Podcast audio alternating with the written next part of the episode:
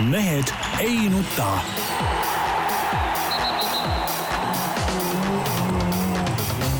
mehed ei nuta.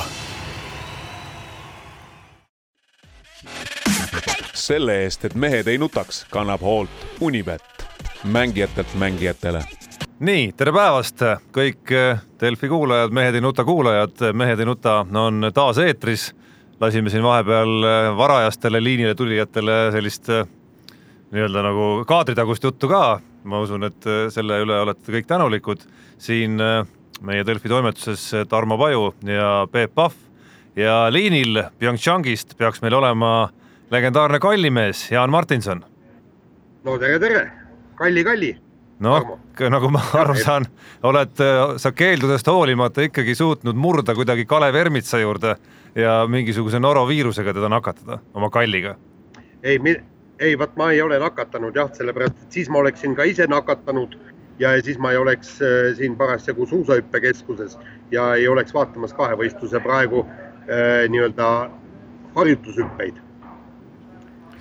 sest tegelikult noroviirusega raudne Bolt pead istuma toas ja see on, see on rahvusvahelise olümpiakomitee meditsiinikomisjoni kindlad ja täpsed reeglid Kas... et, et see oleks välistatud, et, et ma noroviirusega kuskil siin ringi käiks ja teisi nakataks. aga kuidas nad tuvastavad seda, kas sa oled haige või ei ole selle...? Põhimõtteliselt ju nad siis tuvastavad, okei okay,, ma võin ju ära peita, eks sportlaste puhul on küll see, et nad peavad teada andma ja, ja, ja näiteks minu puhul, kui, kui tuleks välja, et, et mul on noroviirus, aga ma käin sellega mööda maja ringis ja nii, igal pool, siis ma arvan, et, et äh, visataks mind olümpialt välja. kas põhimõtteliselt, kui sa käiksid nagu tatise ninaga ringi, ma ei tea, mis noroviiruse täpsed sümptomid on, aga äh, siis põhimõtteliselt on õigus äh, turvameestel viia sind arsti juurde tervisekontrolli vägisi no vot, seda ma täpselt ei tea, kuidas need reeglid on, aga, aga igal juhul sportlastele ja kõikidele nendele teenindavale personalile ja ka vabatahtlikele on väga selged reeglid ette kirjutatud ja ma arvan, et, et ajakirjanikele kehtivad need reeglid ka. aga õnneks meil ei ole jah, seda noroviirust äh, olemas, no see on niisugune tõbi ka, et, et käid kogu aeg vetsu vahet, eks see tundub ka ju kahtlane, kui vend enamus ajast ei vaata võistlusi, vaid istub poti peal kuskil. nojah, teatud eas muidugi miks ka mitte? Ongi see sagedasem see käimine. no vot ei ole jah. ju siis pole selles eas veel. No okei. Okay., rõõm kuulda, Jaan, siiralt, aga äh, ma ei tea, läheme vist oma Kohe, põhiteemade juurde ka, et, et mis siin ikka, Kristjan Ilvese võistlus on algamas juba vähem kui tunni aja pärast, nii et äh, aega ei ole siin äh, raisata ja poliitminutid jätame järgmisse nädalasse. ehk siis alustame olümpiateemadega, nii nagu eelmises saates ja võib-olla päris saate lõpus, kui teemad lähevad olümpiast kaugemale, laseme Jaani pisut varem vabaks ka. eks honorar ka selle võrra muidugi väiksem natukene, eks äh, aga hakkame pihta, Kristjan Ilves, nagu öeldud, vähem kui tunni aja pärast läheb Suuremäe kahevõistluse äh, trampliinil starti, aga eelmise nädala sisse on jäänud siis ka tema esimene võistlus, kust sündis ka Eesti seni parim koht olümpiamängudel ehk siis kuueteistkümnes normaalmäe kahevõistluses. no taht-, võib-olla pole mõtet nii kaugele minna, aga alustame sellest, et kas täna tuleb siis Jaan rekordi parandus või mitte? no põhimõtteliselt äh, nii ja naa, tegelikult on äh, ääretult raske oodata kohta kümne, kaheteistkümne hulgas, mida Kristjan Ilves ise sooviks ja, ja mille nad juba isaga neli aastat tagasi paika panid, et nad peaks olema siis PyeongChangi olümpial kümne, kümnenda koha piirimail. põhjus on väga lihtne, et suusarajal ei ole Kristjan ikkagi suutnud oma parimat näidata, jääb ikkagi niimoodi poolteist, pigem kaks minutit parimatest maha ja ja kui me oleme vaadanud neid Suuremäe proovihüppeid, siis ta, see jah, ta on keskmiselt niisugune seitsmes-kaheksas mees hüppamas. aga, aga sellest äh, ilmselt jääb vähe, äh, väheks. kui ta tahaks kaheteistkümne sekka makkuda, äh, mahtuda, ta peaks olema esikolmikus ja, ja küllaltki palju eest ära, sellepärast vaadake seda kuueteistkümnenda koha toonud sõitu. Ilves ei läinud mitte kellestki mööda, küll aga mindi temast mööda ja hästi palju mindi temast mööda. nii et, et, et sellest ühest hüppest on kõik kinni no on seda kolmanda koha potentsiaali selles, selle või ütleme, esikolmiku hüppe potentsiaali, selles ongi ju kõige suurem küsimus praegu, et äh, sa oled neid hüppeid näinud lähemalt sealt äh, äh, suurel mäel treeningutel, tõsi, viimased hüpped on vist vahele jätnud isegi kõik, et see tunne järelikult peab olema ikkagi pigem nagu heapoolne no tunne on heapoolne ja ega ta väiksel mäel ka tegi, ütleme niimoodi, et treeninghüpped ei olnud niivõrd head, kui oli see võistlushüpe. noh, aga siiski ma, ma, ma miskipärast pakun, pakun välja, et ta jääb niisugune viis kuni kaheksa. et, et sealt hakkavad, hakkab kõik sõltuma sellest, kui suured on vahed, et aga, aga noh, ütleme niimoodi, kui tuleb tõesti ideaalne hüpe, mees saab ideaalse tuule, et miks mitte esikolmikus startida suusarajale no igal juhul, mida võib öelda, tundub väga sümpaatne see selline sihi seadmine, mida Kristjan Ilves ja tema tiim on aastate jooksul teinud ja, ja, ja millest lähtudes kuidagi käib kogu see ka tänavuse olümpia nii-öelda nagu lahti mõtestamine nende jaoks, et, et äh, nagu rapsimist väga, väga ei ole ja üsna täpselt teatakse, kus asutakse ka selle tee peal. no see on tegelikult. jah on..., täpselt, ma vaatan. nii, jah, nii, et äh, see on äh, Ilvese seisukohast, see on muidugi muidugi tore ja, ja, ja tegemist on noore sportlasega, kes, kelle õiged tulemused peaks tulema siis järgmisel olümpial, aga, aga teisalt jälle noh, ütleme sihte võib seada, aga, aga need oluline ikka see, et see suusakiirus saaks ikkagi ka reaalselt nagu mingit arengut, et praegult seda ikka väga nagu ei näe, et kui, kui vaadata neid suusa tulemusi, kes otsid, noh, keegi mööda, ta isegi kellestki mööda ei sõitnud, aga tema tulemus on ikkagi suusatamises kogu aeg seal neljandas kümnes, eks ole, et siis, siis äh, sihtide panemist üksi ei piisa nagu minu arust, et siin on vaja, põhivärk on ikka see, et kuidas saada suusatama ennast. Noh. ja, ja no, kas see oli, ja kas see oli, ja kas see oli õige otsus, et suusatreener Anatoli Šmigun ikkagi olümpiale kaasa ei tulnud, et kas teda tõesti seal viimasel, viimast lihvi andes seal äh, vaja ei olnud või? noh, tegelikult eks Anatoli Šmigun oleks võinud äh, ikkagi kaasa tulla, aga, aga ütleme niimoodi, et, et meie ei saa siin kuskilt maalt slämmida, tampida ega sõimata kellegi kallal, sellepärast et mehed on ise väga tagasihoidlikud ja ütlesid, et suurem töö on tehtud ja, ja tegelikult ega äh, Anatoli Šmigun ei oleks liiga palju siia juurde andnud, kui ta oleks kohal olnud, et, et äh, kui sportlaste arvamus on säärane, siis, siis ju ta on, aga praegu just Kristjan Ilves tegi oma siis nii-öelda proovihüppe ära ja, ja see erilist lootust ei, ei anna, sellepärast et sada kakskümmend kolm pool meetrit, aga selleks, et minna liidriks, oli vaja hüpata kümme meetrit rohkem. nii et, et põhimõtteliselt kümme meetrit jäi ta äh, noh, nii-öelda ideaaltulemusest äh, puudu, et, et aga võistlushüpe on ees ja ja, ja vaatame, mis sealt tuleb, aga jah, mis suusasõitu puutub, on see, et, et, et Ilves on natukene paremaks läinud, kui me vaatame eelmist olümpiat, seal ta sai nelja minutiga, nüüd sai kahe minutiga, aga seda kahte, kahte minutit on ka palju. Ja ma olen kogu aeg rääkinud, üks minut, üks minut äh, kiirematele kaotust. Ja see tähendab juba, et, et, et võib mõelda poodiumist. kui on üle ühe minuti, väga raske, nii pikalt sa ikkagi eest ära ei hüppa. No see konkurents, konkurents on tihe ja sinna sinna ütleme kahe minuti sisse mahub ikkagi, ikkagi nii palju neid sõitjaid, et ma ütlen, see ei annagi nagu kohta paremat kui seal, mis tal on seal kolmekümnendaga kogu aeg olnud, need sõidukohad. et, et selles suhtes jah, seal iga, iga paari, kümne, kahekümne sekundi kaupa kärpides annaks juba mingit, mingit arengut, aga, aga seda suusa arengut tahaks nagu natuke kiiremini näha võib-olla. et noh, mõte, point on selles, et neid konkurente, kes teevad äh, aasta lõikeski, kes on teinud kiirema hüppe suusarajal, häid suusahüppajaid, neid ikkagi on on rohkem ja, ja suurema hüppe teinud mehi, et et seetõttu sa lihtsalt, kui sa tahad päris nagu medali peale mängida, siis, siis endal on ka sellist hüpet vaja ühel hetkel. aga jätame Kristjan Ilvese, ma arvan, praegu ja, ja räägime temast kindlasti pikemalt järgmise nädala saates, kui ka tänane võistlus on peetud.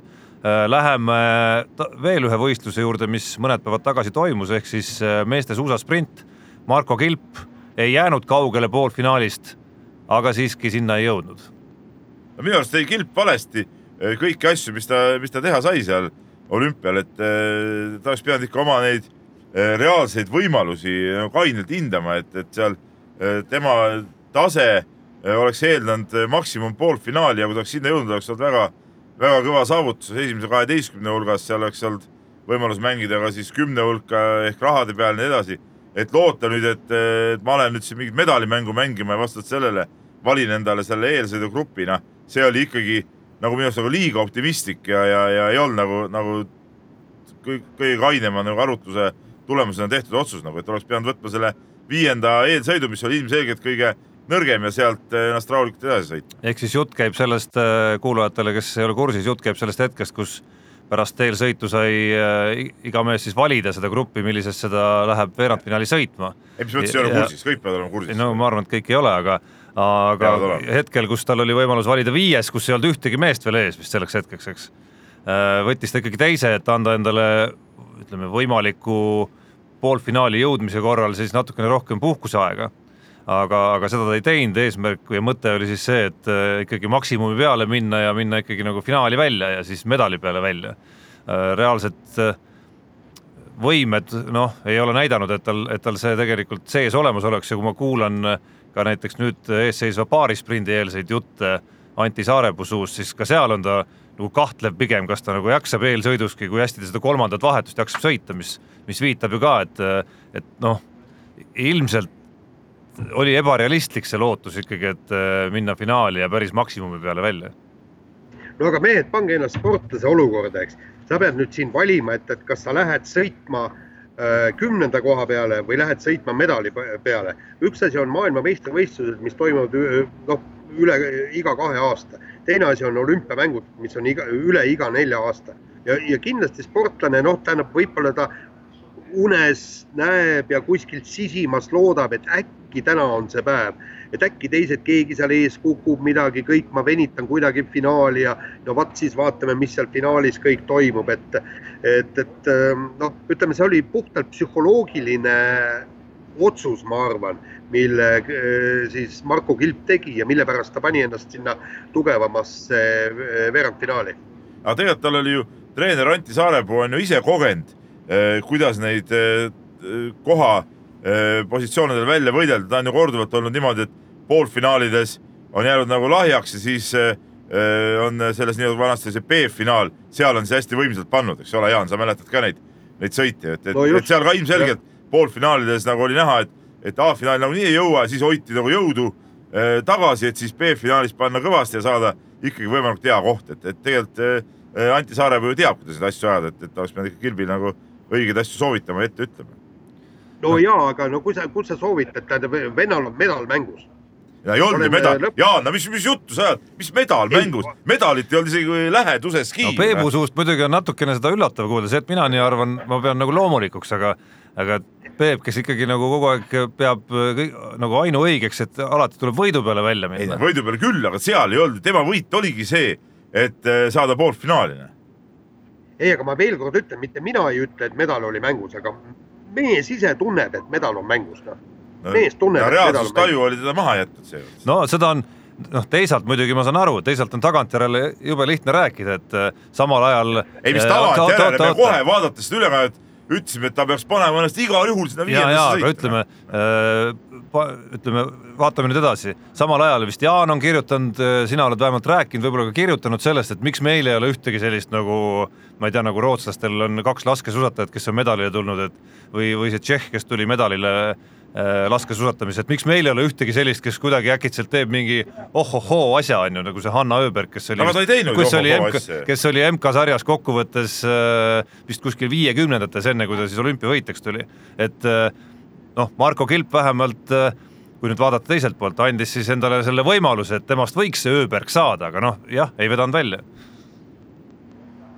nojah, nii on nii, aga läheme murdmaasuusatamise juurde ja, ja see vast kõige värskem äh, elamus, kui seda elamuseks nimetada saab, ehk siis äh, äh, murdmaa programm noh, päris läbi ei ole, aga lõpusirgel ikkagi on ja Karel Tammjärv on vahepeal nädala jooksul saanud siis oma karjääri parima olümpiakoha ehk siis kahekümne teise. samal ajal ehk võib-olla tulevikku vaadates kõige märkimisväärsem on ikkagi see, et Eesti teatemeeskond oma eesmärki ei suutnud täita. esikümnest jäi välja, mis tähendab, et ka ettevalmistus ja toetusrahadest ollakse ilma, mille peal ikkagi päris palju püsis Eesti murdmaasuusatamine viimased neli aastat. no ei tea midagi, Tõnu Seil ütles eilses olümpiastuudios, et eh, raha leitakse, et ei ole probleemi. vaatasid ju? No, no muidugi. Jaa, aga miks nad siiamaani pole leidnud, see on üks asi. nüüd on uus, nüüd on jälle uus olukord ja ära hakka siin ajama, tead, noh. Nii, aga mis nüüd äh, Karel Tammjärvest äh, rääkida, siis tegelikult jah, noh, ütleme niimoodi, et, et äh, näitas, et on võimeline sõitma küll sinna kolmekümne sekka ja kui vaatame tema teatesõiduaega, siis nüüd see oli ka päris, päris hea, see oli neljateistkümne mehe seas kuues aeg, mis näitas, et, et ta sõitis ka väga vaprat teadet ja, ja ma lugesin natuke mõningaid kommentaare selle kohta, et äh, meie äh, nii-öelda suuda, suusameeskond tõesti jäi rahadelt välja ja seal oli tõesti, avaldati kahetust, et, et vähemalt kahele mehele peaks olema seda raha äh, jätkuma, et, et üks on siis Marko Pikk-Kilp ja teine on Karel Tammjärv, et nemad ei ole otsustavat sõna öelnud noh, ma ei, ma ei, ma ei, kipu uskuma, et, et, et, et Tammjärv nüüd kunagi medalitele sõidab, aga noh, mine sa tea, hea sõiduga tulevikus võib-olla nelja aasta pärast, siis kui ta on veel kõvasti trenni teinud, äkki mingi kümnenda koha venitab välja, see on päris okei okay meil. no et, tegelikult Jaan, oot-oot, Jaan, nüüd ma segan nagu vahele sulle, et kui me vaatame Tammjärve arengut ja võrdleme näiteks meie tippudega, siis tuletad meelde üheksakümne teise aasta olümpial. ma loodan, ma ei eksi praegu, sa Jaan mäletad ka neid aegu väga hästi kas ei olnud mitte nii, et Veerpalu oli kahekümne esimene, eks ole? ja ei, ta oli, aga, aga, aga ta, ta oli ikka siis oluliselt noorem kui Tammjärv ju. no seda ma räägin, seda ma tahangi öelda, et ta oli juba siis kahekümne esimene, Tammjärv ei ole enam nii noor ja nüüd sai korraks kahekümne teise koha. no e, siit on nagu alusetu loota, et, e, et see kõver liiguks samamoodi nagu ütleme, Veerpalul ja Jaak Mael liiku, liikus. et jah, tema ongi, ta ongi siuksel tasemel mees, kes heal päeval võib sõita võib-olla sinna viieteistkümnendaks olümpial, kus ütleme alates kahekümnendast tahapoole konkurents on hõre, võib-olla ka kahekümne teine või kahekümne viies. no ja mis siis? see ei ole mingi näitaja. no mis sa tahad sellega öelda, et äh, Karel Tammjärv, võta ja pane pillid kotti, ära suusata rohkem. ma olen ei, kindlasti ei, selle, sellega nõus, et, et. aga Tammjärv... ma ütlen nii, et siin nagu midagi rääkida, et, et oh, et et äh, mingi supersõit, noh, midagi polnud ju. kaotust, kaotust, kaotust äh, tuli ka päris palju lõpuks, eks ole keegi ei ütle, et see oli supersõit aga see on. välja lugeda ei ole, see ei ole mingi supersõit, aga ta on vähemalt väikse sammukese edasi astunud ja ärme vaatame ainult seda olümpiat. vaata kasvõi seda olümpiamängude teatesõitu. oleks teised vennad ka niimoodi sõitnud, oleks meie vennad olnud esikuuikus. no aga vaata, kes ta seal teates, kes kolmandas vahetuses eh, konkurentsis oli, ega seal nüüd hirmkõvasid mehi tal selja taha ka ei jäänud. no kuule, iga norralane, iga rootslane, iga venelane on äh, kõva, noh. no aga norralane ei jäeta selja taha ju no jaa, aga neile ta ei kaotanud väga palju. nii, aga see selleks, ta, on sõitnud sellel hooajal ka, ta on saanud MK punkte distantsilt ja kõik, noh, aga, aga mis me peatume sellel Tammjärvel, tont sellega. me räägime parem sellest, et mis saab Eesti suusatamises, kui on tõesti kakssada kaheksakümmend kaheksa tuhat eurot jääb puudu äh, kahe, kahe järgneva aasta jooksul. et kuidas seda korvata? ei no aga kas sa vaatasid olümpiastuudiot, ma rääkisin Tõnu Seiliga eile sellest. ja, ja kuule, tead, teeme niimoodi, et puhka jalga on ju peebukene sa, sa ju tead ise, et, et see on täitsa impotentne seltskond seal äh, Suusaliidus. sittagi nad ei suuda teha, nad ei ole siiamaani suutnud teha. no ma ei ja, tea, no, tein... ma ei julgeks päris nii muidugi ütelda, et, et nad nüüd impotentne seltskond on, et noh, äh, ma ei tea, noh, igatahes äh, lubati, et uus tiim on juba nagu ütleme, tulevikku vaatav tiim on kokkupanemisel, on juba kokku pandud, treenerid tegelevad. No vaatame, anname siis võimaluse, uus, uus tsükkel ootab ees, noh. me ei saa ju ette ju midagi öelda selles suhtes. kuule, oota, Peep, mis me räägime uuest tsüklist? Äh, märtsikuus ei kanta enam EOK-lt äh, üle seda raha, mis on kogu aeg siiamaani kantud. aga kellele me, aga kellele meil seda märtsikuus see raha vaja on siis? kas Karel Tammjärvel või Marko Kilbil ei ole vaja? kõik, kes jätkavad spordi tegemist või, või keda no, suusakoondis tahab, et, et meil oleks. mehed, mis te jamate, meie suusatajad, võtame, meil null naissuusatajat. Eh, meil on eh, meestesuusatajad, ütleme poolteist, eh, kilp null koma seitsekümmend viis ja Tammer null koma seitsekümmend viis ja ongi kõik, rohkem meil ei ole suusatajaid. no aga nendest kahest räägimegi alustuseks. no aga nende jaoks, kahe jaoks suusaliit, ma arvan, uuel hooajal leiabki need rahad noh. mitte uuel hooajal, ma räägin esimesest märtsist on vaja. aga märtsis on hooaeg läbi juba. hooaeg kestab ju. ei ole, hooaeg kestab. kas neil on vaja sinna kuskile MK-le minna või? no muidugi on vaja, see on, see on esimene asi, Peep teine asi on ju see, et, et vendadel on vaja, vaja ka mingisugust palka maksta, millest nad elavad no,. EOK maksis palga. palk tuleb välja teenida, selleks, selleks, et EOK maksaks palka, tuleb eh, saavutada normaalseid tulemusi ju noh. aga see, Peep, millest need mehed elavad? küsimus, millest need mehed elavad? no, jaa, aga... no mul Peep jääb segaseks, mis su nagu soovitus on ikkagi, et Marko Kilp ja Karel Tammer, lõpetage ära spordi tegemine. või otsige ise endale võimalused ja kõik. no suusaliit peabki, noh siis. aga ma ei saa aru, mis poole hooaja pealt nad loomulikult midagi sa ei leia, et, et aga uue hooaja peale vaatame edasi, aga siin praegu rääkida mingi märtsikuu mingitest asjadest, no see on nagu mõttetu.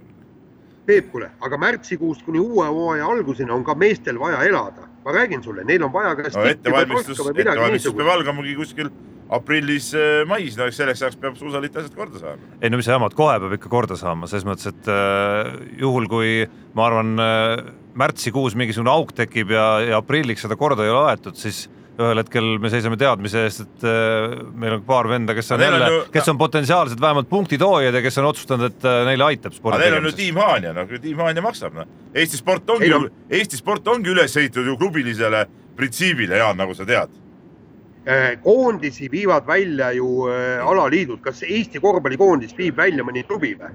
no kas Eesti korvpallikoondised saavad äh, koondise stipendiumi, ei saa ju.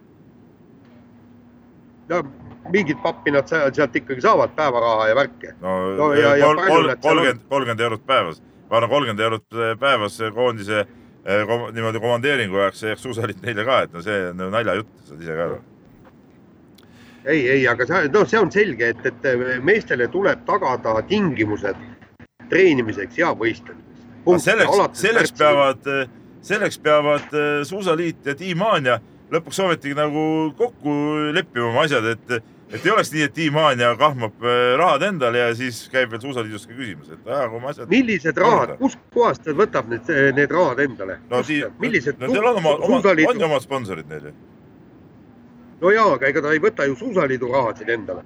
no sa tead väga hästi, et need on endised Suusaliidu sponsorid, kes on sinna läinud, okei okay., see on mõttetu vaidlus ja, sa saad väga hästi aru, et ja. Ajad sinust udujuttu ja, ja nii on nii, aga liigume edasi, mul on tunne, et me vist eh, ei jõua laskesuusa peensustest täna rääkida. mis seal rääkida, meil ei ole mingit tulemusi laskesuusatamises. ja no meil eh, nagu jääb ka nüüd laskesuusatajaid selgelt eh, vähemaks pärast seda, kui see hooaeg läbi saab.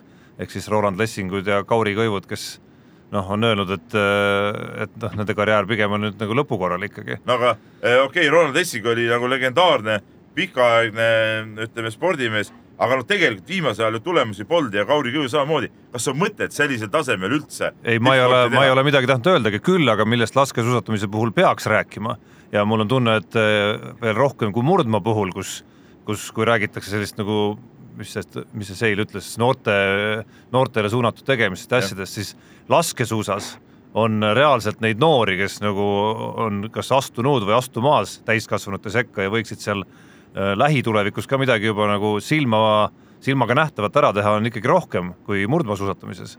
ehk siis seal on minu arust veel suurem küsimus, mismoodi nüüd suudetakse needsamad Johanna Talihärmad, Tuuli Toomingad äh,, Äh, Meril Peilmanid, mismoodi suudetakse nad kõik nagu ala juures ka ikkagi hoida? no seda juttu on räägitud laskesuusatamises, mäletan peale Vancouveri olümpiat, peale Sotši olümpiat, nüüd on jälle järjekordne tsükkel läbi, aga midagi paremaks pole ju läinud, mitte midagi pole paremaks läinud.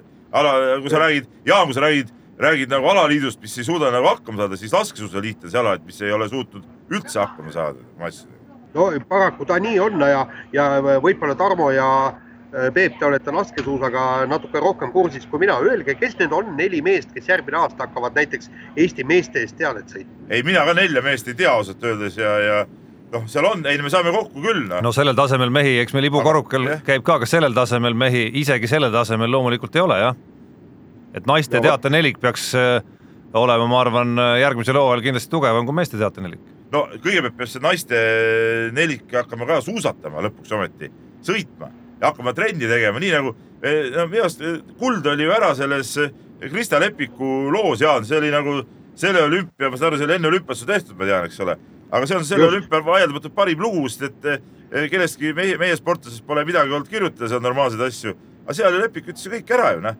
kõik see praegune trend on mäng, eks ole, pingutada ei taheta, õiget pingutamist pole, ongi nii, no hakkab tööle kõigepealt, hakake, hakake normaalselt trenni tegema siis tulevad ka suusakiirused ja asjad ja siis saab üldse millestki rääkida noh, nagu, nagu Jaan ka kirjutas tõsi sinna loo juurde, et see oli räägitud enne Johanna Talihärma esimesi sõite, ehk siis me seal mingit progressi ikkagi saame, saame tunnistada.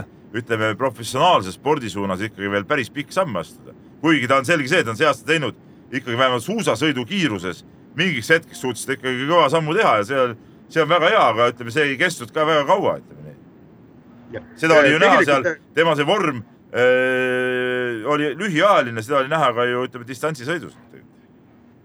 tegelikult seda, kõike seda Krista Lepiku juttu ja kõike seda äh, lugedes, kirjutades mul tuli meelde üks, üks äh, film äh,. see oli äh, Miga Müllülast, kunagi, kus, kus näidati, kuidas vend treenib ja see, seal olid need tema legendaarsed sootreeningud, kui ta läks suusakeppidega soosse, oli seal põlvini või kuni, kuni seal vööni oli seal soos ja, ja sumpas seal no ma ei tea, tundide kaupa ei saa võib-olla öelda, aga, aga, aga nii, et vend oli pärast seda poolsurnud ja need sootreeninguid ta tegi järjepidevalt. ja siis ma mõtlesin, et huvitav, kas meie kahevõistlejad ja meie suusatajad on ka nii meeletuid treeninguid teinud, kus nad on tõesti poolsurnud ja tulevad sealt soost välja ainult selle, selle jõuga, et, et kui, kui nad sealt välja ei tule, nad lihtsalt upuvad ära.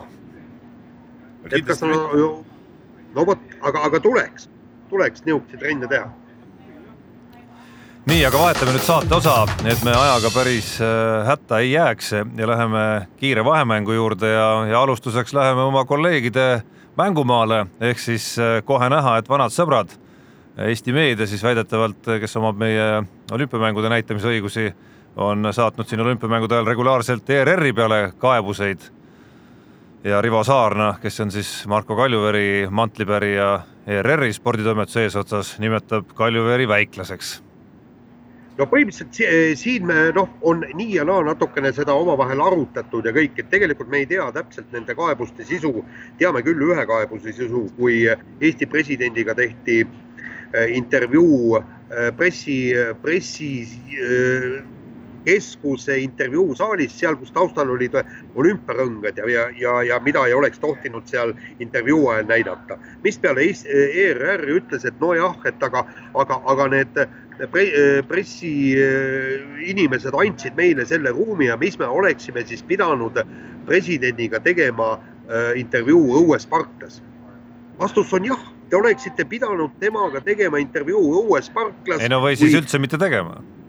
või siis üldse mitte tegema, aga reegleid rikkuda ei saa kahjuks. ja, Jaan, ma olen sinuga nõus, aga see on ka ainus kord, kui on silmnähtavalt reegleid rikutud, kõik ülejäänud intervjuud ongi tehtud parklas. Äh, ütleme uudistesaates näidatakse pilti, on see Discovery kiri on seal. see on küll nurgas. muutunud, ma täpsustan, see on küll neli korda või kolm korda muutunud, et algul algul oli mingisugune üks kiri, siis oli äh,, tuli Kanal kahe kiri vahepeal ja nüüd on Discovery kiri. okei okay., aga, aga nii on, no selge see, et kuule, Marko Kaljuveer, kui ta on EOK liige, eks ole, ta on see suur täitevkomitee liige, tema asi peaks olema see, et mida rohkem olümpiat igal pool kajastatakse, mida paremini, see peaks olema tema nagu prioriteet number üks aga, aga äh, hakata mingit äh, jonni ajama, noh, see on, ongi väiklane, ma olen nõus. ühe korra ERR eksis rängalt, sellega ma olen ka nõus, aga see, et see ülejäänud jutt öö, äh, on, on jonn, sellega ma olen ka nõus, noh, nii ongi aga muide, eile oli ajakirjanikel väike niisugune õllepidu korraldatud EOK poolt ja, ja seal tuli üks huvitav asi välja, räägiti, et kuidas Leedu oli käitunud. Leedul ostis teleõigused ära olümpiakomitee muideks ja teate, mis hinnaga või? kuuesaja tuhande euroga, mis on siis nagu ma saan aru, kaks korda väiksem summa, kui, kui on siis eh, Kanal kaks on selle eh, ostnud. Ja, ja põhimõtteliselt siis eh, need leedulased kuidagi kolme kanali vahel, nad jagasid need olümpiamängud ära, ma ei usu, et nad väga oluliselt sealt vahelt võtsid, eks. aga, aga, aga saadi see asi oluliselt odavamalt kätte.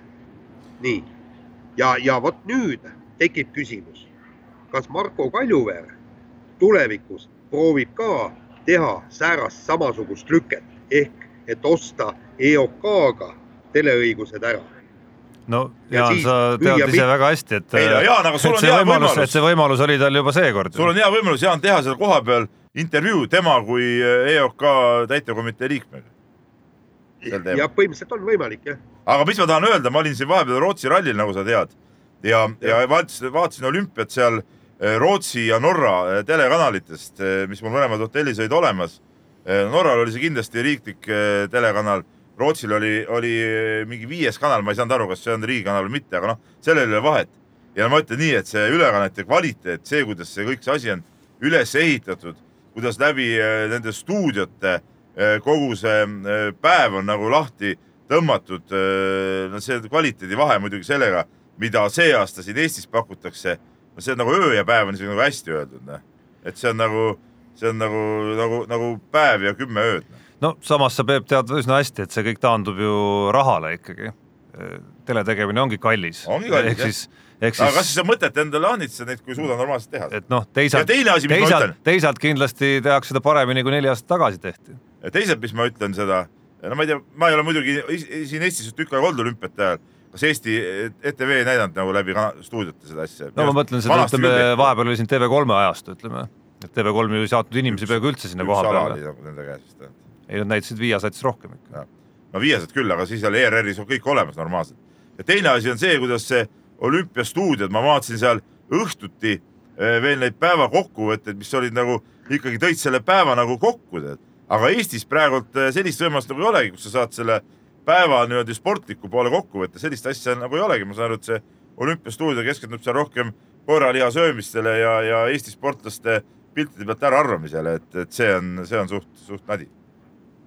nii, aga vahetame teemat, eelmisel nädalal rääkisime sellest, kuidas kogu maailma meedia on vaimustunud Saskia Alusalu ilust, aga noh, ütleme me, meeled ja tuhinad käivad kiiresti, üsna kiiresti leiti Saskia Alusalust järgmine ohver siis jutumärkides ehk siis äh, Venemaa kurlingumängija Anastasia Brõzgalova sai siis järgmiseks, äh, kelle, kellest kas... ridamisi hakati vorpima galeriisid. kas käisid kurlingut vaatamas sellepärast või?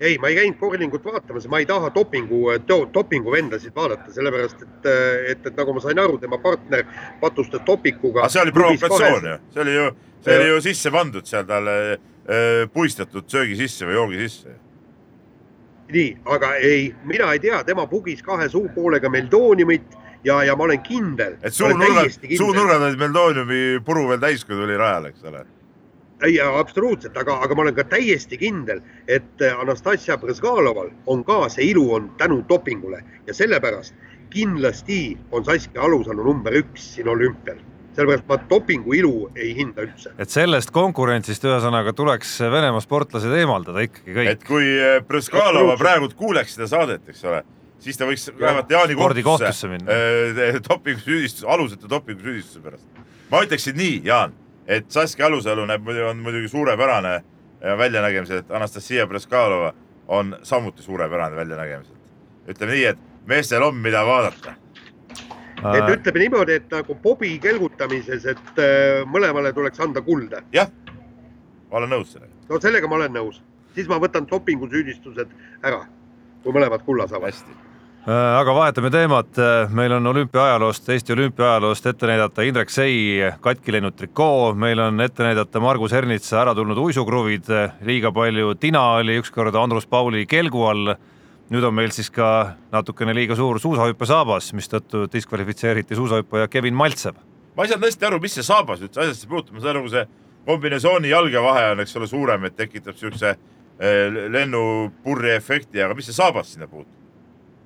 Ei no selgub, et üks millimeeter liigset saabast järelikult mõjutab hüpet. aga kuidas ta mõjutab? see üks millimeeter. aga miks ma ei saanud Jaan lugeda, miks ma ei saanud lugeda sinu poolt eh, artiklit sel teemal? no miks sa toimetuse juhina ei ole tellinud seda temalt? Jaan on kogenud žurnalist, ta peaks ise teadma. sinu roll siis on?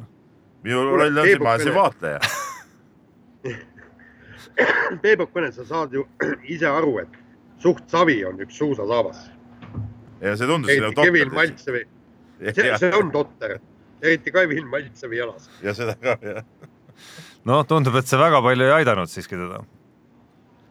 tulemuse no, järgi. sellepärast see ongi, ma arvan, et, et vennad peaksid keskenduma, keskenduma natukene tõsisemalt sellele trenni tegemisele, vaadake oma varu, varustust ka, et, et äh, ütleme niimoodi, et, et äh, mul, mul, mul väga erilist lootust ei ole nendesse suusahüppajatesse kogu nende suhtumise pärast ja kõik. muide, eile mulle räägiti et no meil on siin päris külm, on umbes kuus kraadi ja, ja inimesed olla näinud, et äh, tulevad, tulevad siinsamas Pyeongchangi tänaval äh, olümpiaküla lähedal vastu kolm meest ja lipsivad jäätist.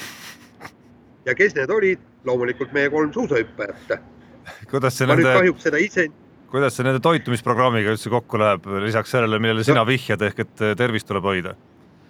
No vot seda, seda ma ei tea, noh, kuidas see terviseprogrammiga kokku läheb, aga, aga kahjuks ma ei näinud, aga väga, väga kindlad allikad mulle kinnitasid ja need kindlad allikad teatasid, et nad oleks tahtnud autost välja hüpata ja meeste juurde minna öelda, et kas te olete ikka päris lolli, lolliks läinud. et miinus kuus kraadi külma ja, ja inimesed käivad mööda tänavat ja limpsivad jäätist. no miks ka mitte. vaat see on ikka nii, et kui kurk on haige, siis pead jäätist sööma, ehk siis külma vastu võitled külmaga. Noh. nojah, see on sinu tõlgendus. Jah aga vahetame teemat, kuigi meil esikümne kohti ette näidata ei ole, medaleid ametlikus medalitabelis ammugi mitte, siis äh, mõnes mõttes võime öelda, et meil siiski on üks medal, sest et kui äh, lumelaudur Pierre Voltieris sai juba kahekordne olümpiavõitja ja ta on öeldud, et äh, pool tema medalist kuulub ikkagi tema kaasale ehk siis Kadri Pihlale, siis kui me kaks medalit, kaks tema medalit paneme kokku ja pool võtame mõlemast ära, siis peaks üks ju kokku koos olema Eestis. see on ju täitsa jabur jutt. elementaarne ju. meil oli medal juba ammu enne olemas, iluuisutamises me saime medali juba eelmine nädal ju. see on, vot see on nagu puhas Eesti iluuisutamiskasvandik ju tegelikult ja see on, see on nagu võib öelda tinglikult meie medal, see eh, kellegi abikaasa saab, kellel ei ole Eestiga mingit pistmist. no siis me võime öelda, et meil on ju kaks lausa. et no see minu jaoks ikkagi see iluuisutamine, see ikka elasin kaasa, et see oli nagu meie, meie uisutaja ikkagi see on nagu selge kuulge mehed, ärge unustage ära, et, et meil on veel ju medaleid, kõik Vene medalid on ju määritud äh, meie hooldemeeste poolt ju. kõik medalid on ju ja, ja Soome, Soome kaks äh, pronksi, neile on kaasa aidanud ju Aare Metsa oota, kas no, me ise kirjutame, et Kläbo mingi Kläbo kasu vanaema elab ju vanaema. Eestis, et tema vanaisa on, äh, vanaisa ka Eestis, ehk siis, et ma no, just. kujutan ette, et null koma üksteist osa nii-öelda igast tema medalist ja. saame ka endale ja tal on mitu neid juba no absoluutselt. Ja meil, meil on tegelikult see medalisaak on päris suur. tõuseme medali edetabelis päris kõrgele või? jah, vot teile lätlased, vot teile, ei ole midagi siin hüpata. Äh, aga küll on üks mees, kes äh, hüppamist kunagi ei jäta, see on Aleksandr Lukašenko, Peebu suur lemmik ja, ja iidol, Valgevene president ja, ja riigijuht ja diktaator, kes siis ajas, kes siis ajas keset ööd üles kogu oma välisministeeriumi et ikkagi saaks anda ametlikud protestid sisse kõik äh, selle kohta, kuidas vigursuusahüpetes äh, tiitlikaitsja Anton Kušnir jäi esimesena finaalist välja. tegemist on teadupärast Valgevene olümpiakomitee presidendiga samaaegselt ja selles suhtes täitsa okei okay, minu arust. Ja kui äh, on näha ilmselge ülekohus, tuleb ju protestida, minu arust kõik oli nagu õige ja, ja ilmselgelt oligi nii, et need kohtunikud panid meelega talle valed hinded, sellepärast et nad kartsid konkurentsi nende enda kaasmaalased olid seal, ütleme, medalite peale minemas ja tahtsid elimineerida tugevat sportlast ja, ja ma olen, ma tean, Lukašenko tema kohta loomulikult, mitte Lukašenka, nagu sa oled siin kirjutanud äh,. täiesti õigus oli. Aga kus, kus oli, ma tahaks teada, kus oli Kersti Kaljulaid või kus oli Urmas Sõõrumaa siis, kui oli vaja Kevin Maltsevi kaitsele viskuda? aga minu arust ka Sõõrumaa, vana jõustruktuuride vend, eks ole, see on turvamees, oleks pidanud küll seal nagu sekkuma sellesse, kasvõi, kasvõi jõuga vahele minema, mis, mis kurat siin toimub selle saatma ja aga muide, pange tähele tege,, tegelikult meil siin jällegi omavahel väike arutelu käis, ütles nii, et on see Lukašenko, mis ta on, aga, aga see näitab, kuidas ta elab kaasa oma sportlastele ja ta, ta, ta tahab ja teeb kõik selleks, et tema sportlased võimalikult hästi esineksid. ja paneme nüüd siia versus meie presidendi, kes ütleb, et ükstapuha, mis kohale tuleb, kõik ikkagi tuleb neile aplodeerida. ei, tuleb ikkagi võidelda selle nimel, et meie sportlased oleksid võimalikult kõrged kõrgel ja kui näiteks meie president muud moodi seda teha ei saa, siis palun äh, aidaku poliitikutel Eesti tippspordile rohkem raha anda. ja kiire vahemängu lõpetuseks on küsimus Peebule. siin oli vahepeal valentinipäev, kuulus sõbrapäev, kus siis Peebu ka üks suuri lemmikuid, Lindsey Vonn äh, avaldas Twitteris väikese, kus Peep ka minu teada on Twitteris kasutaja ja täitsa aktiivselt käib seal avaldas siis äh, sellise üleskutse, et otsis kaaslast endale, ma ei tea, kuhu sina jäid siis? oota, mina olin siin Eestis, eks ole, aga Jaan oli kohapeal, Jaan, miks sa ei aidanud välja? kallimees. kallimees, jah. teid üks kalli Lindsey Vonnile. ütleme niimoodi, et, et ta on võib-olla liiga jõuline ja, ja liiga sportlik minu jaoks. see oleks küll jah, kui ta oleks, oleks siin, äh, oleks kalitsuseks läinud, siis sinu haprad kondid oleks tema käte vahel seal ragisenud just, absoluutselt, vot siin, siin see ongi, aga muide, mis siin on huvitav, on see, et, et. eks ta on näinud ka võib-olla seda õllekasti tõstmise episoodi, vaata. ja, jah, aga ütleme niimoodi, et, et meil siin äh, noored ajakirjanikud, noh, meie toimetuses väga neid noori ei ole, aga siin teiste toimetuste noored ajakirjanikud ikka, neil on need Tinderid olemas ja eks nad seal vaatavad, et, et seal on, seal on tõesti selgub, et olümplasi on seal äh, kõvasti mängus, et et kes, kes ka otsivad endale nii-öelda partnereid. minu arust, kui ma vaatan neid meie noorema plejaadi ajakirjanikke, kes seal on, olgu nad siis korrus altpoolt Õhtulehest või, või ka Postimehest, siis nad on kõik sellised nagu nagu pehmema poole esindajad, ütleme siis sellised väga atleedid ei ole just, et ma kardan, et neil seal sportlaste konkurentsis läheb raskeks ikkagi ei no ütleme, siin on ka mõned, mõni niisugune noh, niisugune atleetlikum, noh, ütleme sportlikum poiss ja kõik, eks, et aga, aga noh, vähemalt Tinderid on neil olemas. Asi seegi äh,. vahetame saate osa ja Peep, kuidas meil kirjadega lood on? kirjadega nii, et siin on muidugi päris palju kirju on, on ralli teemadel, mida me saame siin ralliga eh, seoses eh, ka välja tuua, aga küll aga on üks eh, kiri, millele ma tahan nagu kaasa, kaasa hüüda ja jutt käib siis netikommentaatoritest ja küsibki, et, et tegemist on siis meie nii-öelda uue kuulajaga ja, ja küsib, et mida me arvame netikommentaatoritest, et minu arvates peaks lehed kommenteerimise ära keelama, sest see on täielik debiilsus, mida netikommentaatorid kirjutavad, mingid jorsid kuskil arvuti taga, krõpsupakk ja karastusjook laual ning siis hakkavad midagi arvama, näiteks inimesi, kes, kelle arvates Ott Tänak on siiani kraaviott, sellistele kommentaatorile tuleks näpud maha lõigata. Ja ma olen kirjasaatjaga sada protsenti nõus, minu arust ka, ma tean, et ma olen siin, lähen vastuollu Urmas Oonvaldiga, oleme sel teemal ka vaielnud, minu arust ka eriti anonüümne kommenteerimine on täielik debiilsus ja mingist sõnavabadusest seejuures rääkida ei saa ja see tuleks igal juhul ära keelata. seadusega, seadusega kusjuures jah, kuule, täna oli väga huvitav oli see, et, et ma vaatasin natuke neid kommentaare, mis olid kirjutatud selle loo juurde, et, et meie suusatajad nagu enam raha ei saa ja ja kakssada kaheksakümmend kaheksa tuhat läheb nüüd kahe aasta jooksul kaotsi ja, ja huvitav oli see, et, et mitteanonüümsed kom kommentaarid olid päris asjalikud. sealt ikkagi natukene arutati teemat just, et kellele seda raha panna ja kuidas, mikspärast see raha on läinud ja, ja, ja, ja kuidas ei ole Eesti suusatamine jalgu alla pannud ja nii kui sa vaatad neid anonüümseid kommentaare, seal oli täielik porno no,. et seal oli lihtsalt lahmiti. Need anonüümsed ja... kommentaarid tulekski ära keelata. noh, samas kui sa vaatad, eile oli vist lugu sellest et mis, mis see nii-öelda mitte anonüümne nüüd äh, niivõrd parem siis on, kui, kui juba sinna teljele minna, et äh, jutt oli sellest samast äh, äh Grete Šadeikost, kelle põhimõtteliselt, kellest iga tehtav uudis põhimõtteliselt lähebki välja juba nii, et kommentaarium ongi seal ametlikult kinni, sest noh, see, see on täiesti absurdne ja võigas, mis seal lahti läheb. ehk siis me räägime sellest, mis toimus Instagramis, kus inimesed on ikkagi oma avalike kontodega ja isegi see ei seganud neid sõimamast Grete Šadeikot see on piinlik, see on piinlik, tõesti, eestlaste pärast on kohati väga piinlik. aga Tarmo ikkagi nüüd Delfi eh, tegevtoimetajana ütled oma arvamust, et kas anonüümne kommentaarium peaks olema või ei peaks olema?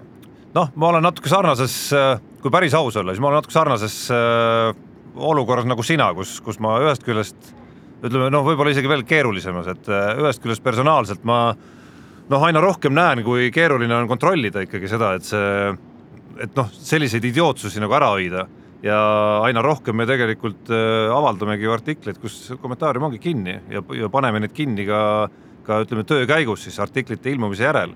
ehk siis ma ühest küljest äh, nagu saan aru, mis sa mõtled ja olen nõus ka päris palju ja seetõttu neid aina rohkem ka kinni saab pandud, aga teisest küljest näen, et, äh, et sellest mingites olukordades sünnib ka päris palju kasu ja, ja kusjuures ma, ma kiirelt meenutan veel oma Õhtulehe aegu, siis kui need ähm, online alles äh, tuli ja siis ei olnud need äh, kommentaatorid niivõrd tigedad, sellepärast see oli uus asi, see kommenteerimine. Ja, ja seal oli teinekord päris asjalikke kommentaare ja siis ma äh, tihti puhku mitte ei vaielnud, vaid arutasime komment-, kommentaar, kommentaatoritega, lihtsalt mina ütlesin oma sõna sekka, kaitsesin oma seisukohti, nemad, nemad oma seisukohti ja meil oli päris, tegelikult päris huvitavaid dialoog ja, ja, ja ma teeksin hea meelega ka äh, seda kõike täiesti uuesti, aga ainult siis, kui ei oleks lahmimist, vaid oleks tõesti arutelu, asjalik arutelu teemade kohta. nii, aga veel kirjadest ma võtaks ühe, ühe jalgpalliteemalise kirja sisse, kiri on pikk ja Robert Lätte selle meile saatma, seda tervikuna ma ette ei, ei loe, aga, aga lihtsalt nagu selle kogu selle olümpia ja, ja ralli ja, ja muu siukse äh, asjade vahele. Üks sihuke küsimus, et et äh, küsib meie käest Robert ka, et mis te arvate, kuidas tuleb alavormist Chelsea äh, toime ülivõimsas hoos Barssaga. Äh, et mis sa, Jaan, arvad sellest? et nüüd täna, ei, jah, täna on see mäng vist jah, et. ja kuule, esiteks ma, ma ütlen, ma arvan seda, et, ma olen nii olümpialainel ja mul on Dalampõtski Chelsea'st ja Barcelonast ja kusjuures mind huvitab parem see, et kuidas teil seal ilm on, nagu ma saan aru, kohe algab jalgpallihooaeg, ilmselt on teil see ikka pluss kümme kraadi olemas, et saaks korralikult jalgpalli mängida. selles suhtes sul Jaan on muidugi õigus, et Aivar Pohlaku unenäos on tõesti praegu pluss kümme või pluss viisteist isegi, inimesed tulevad suvist spordiala, jalgpall on ju suvine spordiala, T-särkides, luispükstes seda nautimas staadionile, kuid paraku reaalsus on selline, et on, minul oli hommikul miinus kümme kodus, lume, lumi on paks maas ja, ja, ja ma ei näe küll nagu ühtki põhjust, miks peaks sellistes oludes minema jalgpalli vaatama. kuule, pühapäeval algabki juba. nojah see ongi nagu, vot see on nagu, vot see on üks Eesti spordi ma julgeks öelda, see on Eesti spordi idiootsuste tipp. ei no mis sa jamad. veebruaris algab jalgpalli. me tulime alles koosolekult, seal oli üks teema, mis on paar hommikut kuidagi läbi käinud, on see, et nädala lõpus pidi külmaks minema.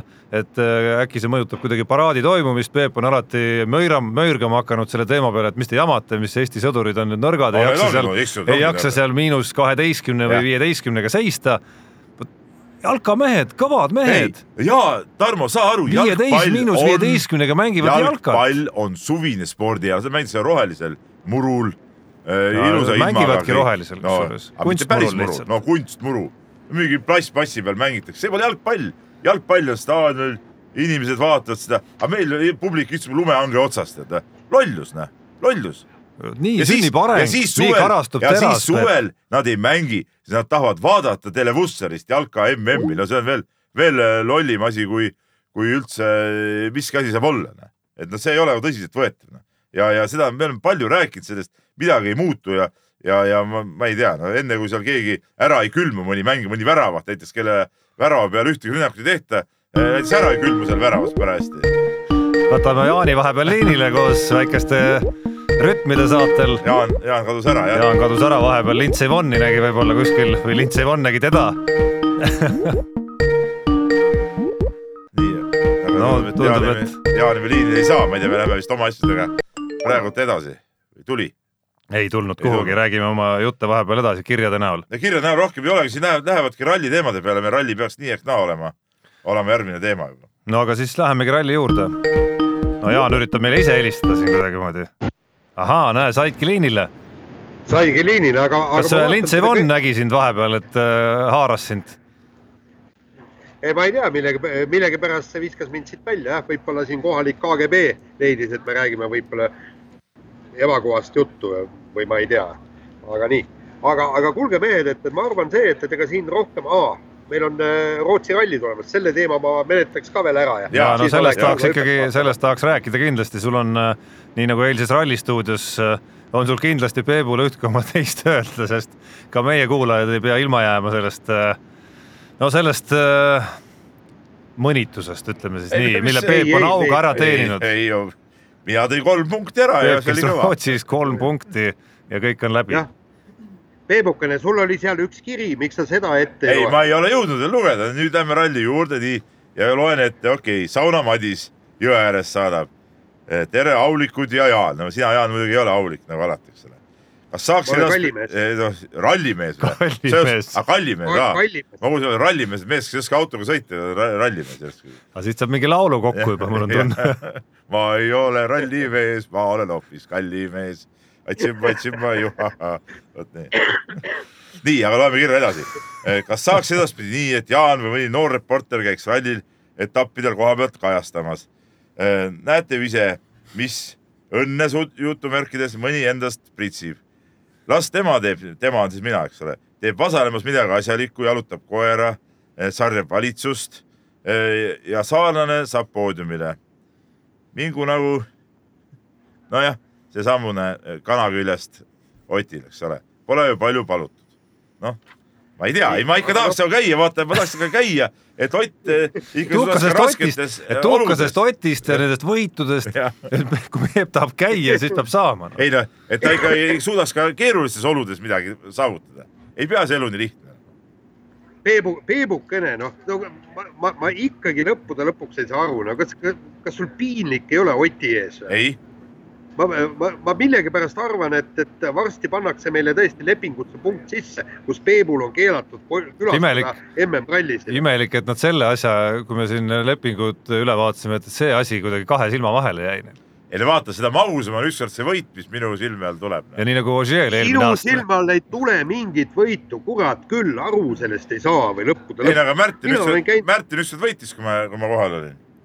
see oli Märtin aga sa olid ka kohal see aitas kaasa, et sa olid kohal. jah, need on kaks erinevat inimest, üks on Märtin, teine on Tänak. mina käisin äh, Monte Carlo rallil, Tänak muidugi loomulikult taas poodiumil, eks ju. nii palju, kui mina olen käinud, üks kord ei ole ainult poodiumile jõudnud. Äh, Tänak. nii, nii, aga räägime. Käid, mitu poodiumi sul on, noh, ütle äh,. WRC kahe võit Poolas kaks tuhat viisteist aga, aga ma ei tea, räägime asjast ka natukene siiski, et äh, alustuseks siis äh, nii-öelda tee puhastamise roll äh, ehk siis maailma kiirem šahk, seejärel kokkupõrge Chris Meekiga ja seejärel veel äh, noh, kas seda nüüd äh, no paar punkti võib-olla läks sinnagi, vähemalt võitluses Ogier'ga lõpus, kus Ogier siis äh, päris kena triki tõmbas veel äh, kübarast välja. no ma ei tea, palju sa, Jaan, jõudsid seda jälgida, aga, aga tegelikult mulle jäi küll selline arusaam kogu sellest rallist et tegelikult ikkagi Tänak oli kõige kiirem mees sellel, sellel võistlusel, kuigi ta ise ei tahtnud seda nagu päris niimoodi tunnistada ametlikult või, või ütleme intervjuus välja öelda. aga, aga tegelikult, kui ikka olud olid, olid okeid, siis ikka talle keegi vastu ei saanud ja, ja, ja seda ütles ju ka Martin Järveoja, et noh, need see mõned kurvid sai ikka võetud nii, et keegi maailmas suuda neid kiiremini sõita, et, et äh, arvestades seda, et see on nagu äh, talveralli on nagu sarnane natuke kruusarallile ja sama, sama auto ja, ja samad seaded, et siis äh, tegelikult hooaja peale tervikuna annab ikkagi suhteliselt eh, positiivse siukse eh, noodi.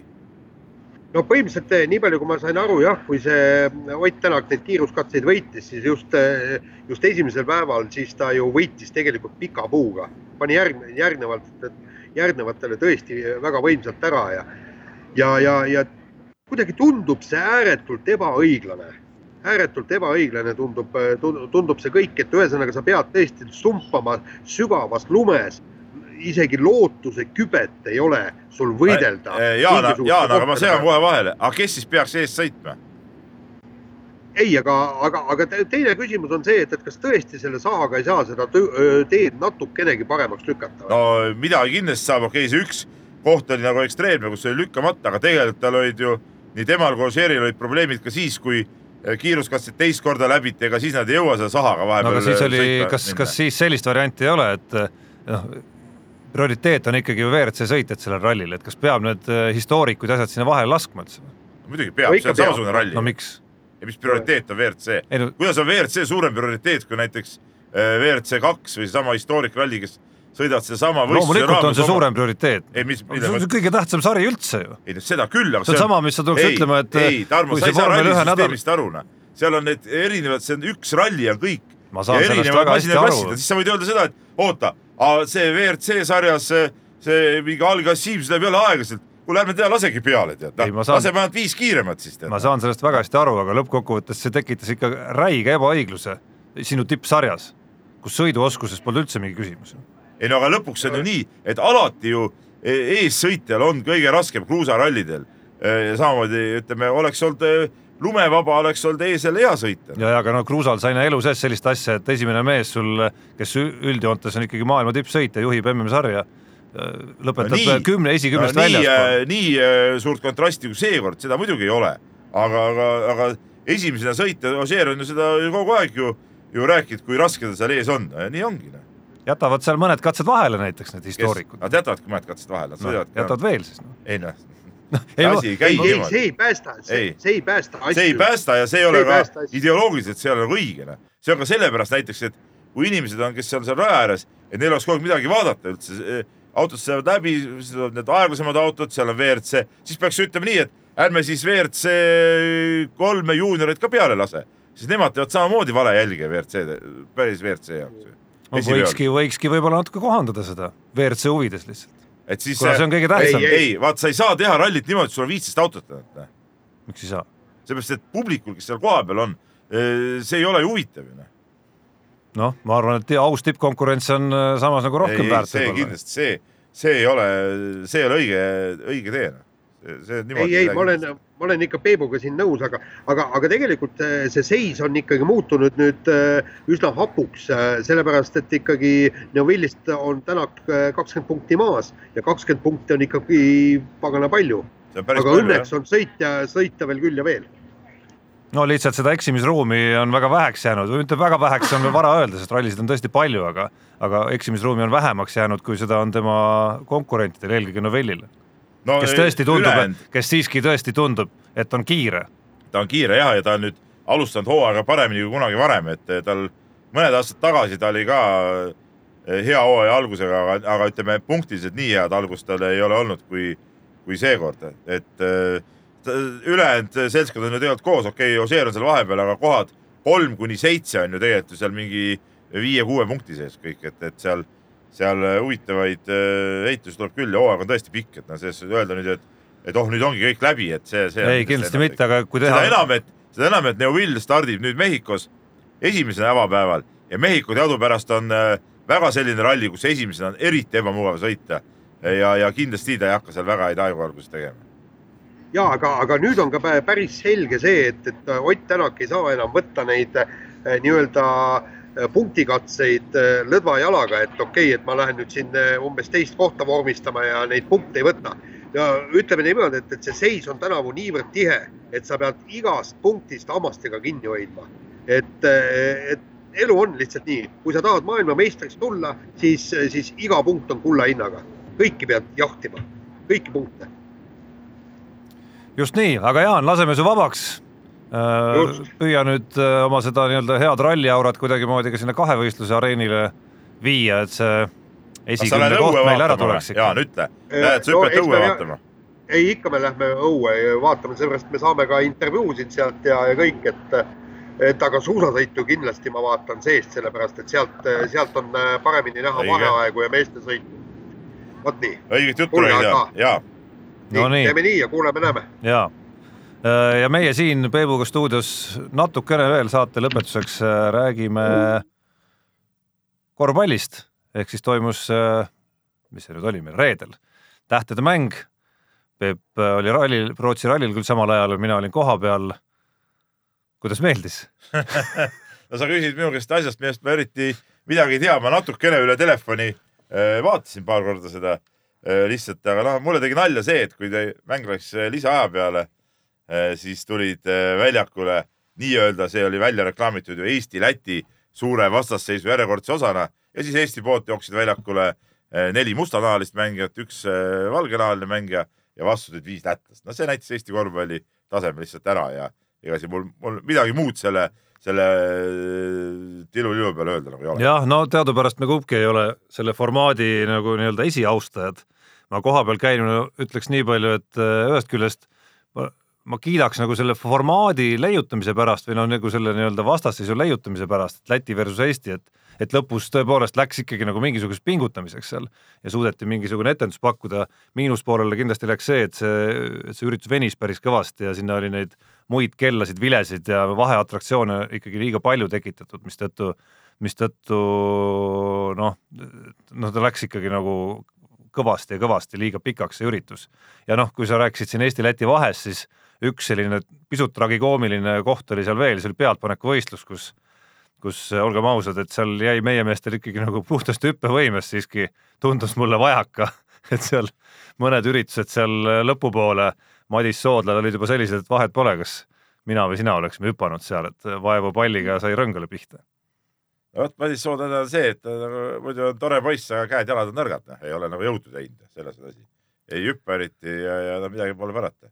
Ja eriti kiirelt veel siin lõpus markeeriks võib-olla ära, et Eesti talvised kergejõus, kergejõustiku meistrivõistlused toimusid, Xenia Balta kuus kuuskümmend kolm oli seal siis üks tähelepanuväärsemaid sündmusi, mille üle Xenia ise küll eriti õnnelik ei olnud.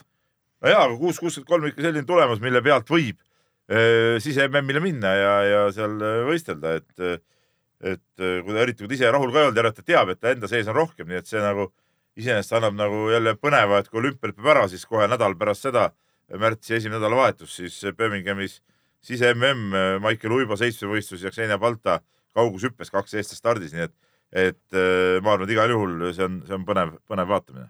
ja päris saate lõpetuseks äh, rõõmustame selle üle, et Tartu maraton taas kord toimus tõsi, peame samal ajal tõdema, et äh, vahepealsed kehvad talved on äh, omajagu äästamistööd teinud, et kolm ja pool tuhat osalejat oli ikkagi selline noh, peaaegu kolm korda vähem, kui äh, korraldajad võib-olla oma nagu paremates soovides loodaks. see number on läinud tagasi nagu nendesse aegadesse, kui jälle siin üheksakümnendatel olid siuksed kriisi, kriisiaastad, kui, kui nii rattasõidul kui suusamaratonil oli, oligi vähem rahvast, et, et no oleks rohkem selliseid talve, nüüd on ju tükk aega jälle lumi maas püsinud, et oleks rohkem selliseid talvi, küll siis tuleks suusatajaid juurde ka ja ma arvan, paljud lihtsalt ei julgenudki selle pärast välja minna, et pole seda pika sõiduharjumust ja kogemust juba olnud. jah, ja kui ma ise olen siin käinud viimastel nädalatel suusatamas eri kohtades, siis ma näen iseenesest, et rahva ra,, rajad on rahvast täis. ehk siis, ehk siis ma usun ka, et see võiks taastuda nüüd päris kiiresti. aga sellega on meie saade tänaseks läbi. kohtume taas juba nädala pärast ja siis Jaani vist meiega veel päris füüsiliselt ei ole. füüsiliselt äh, vist ei ole jah. no jumal tänatud. jah. Mehed ei nuta.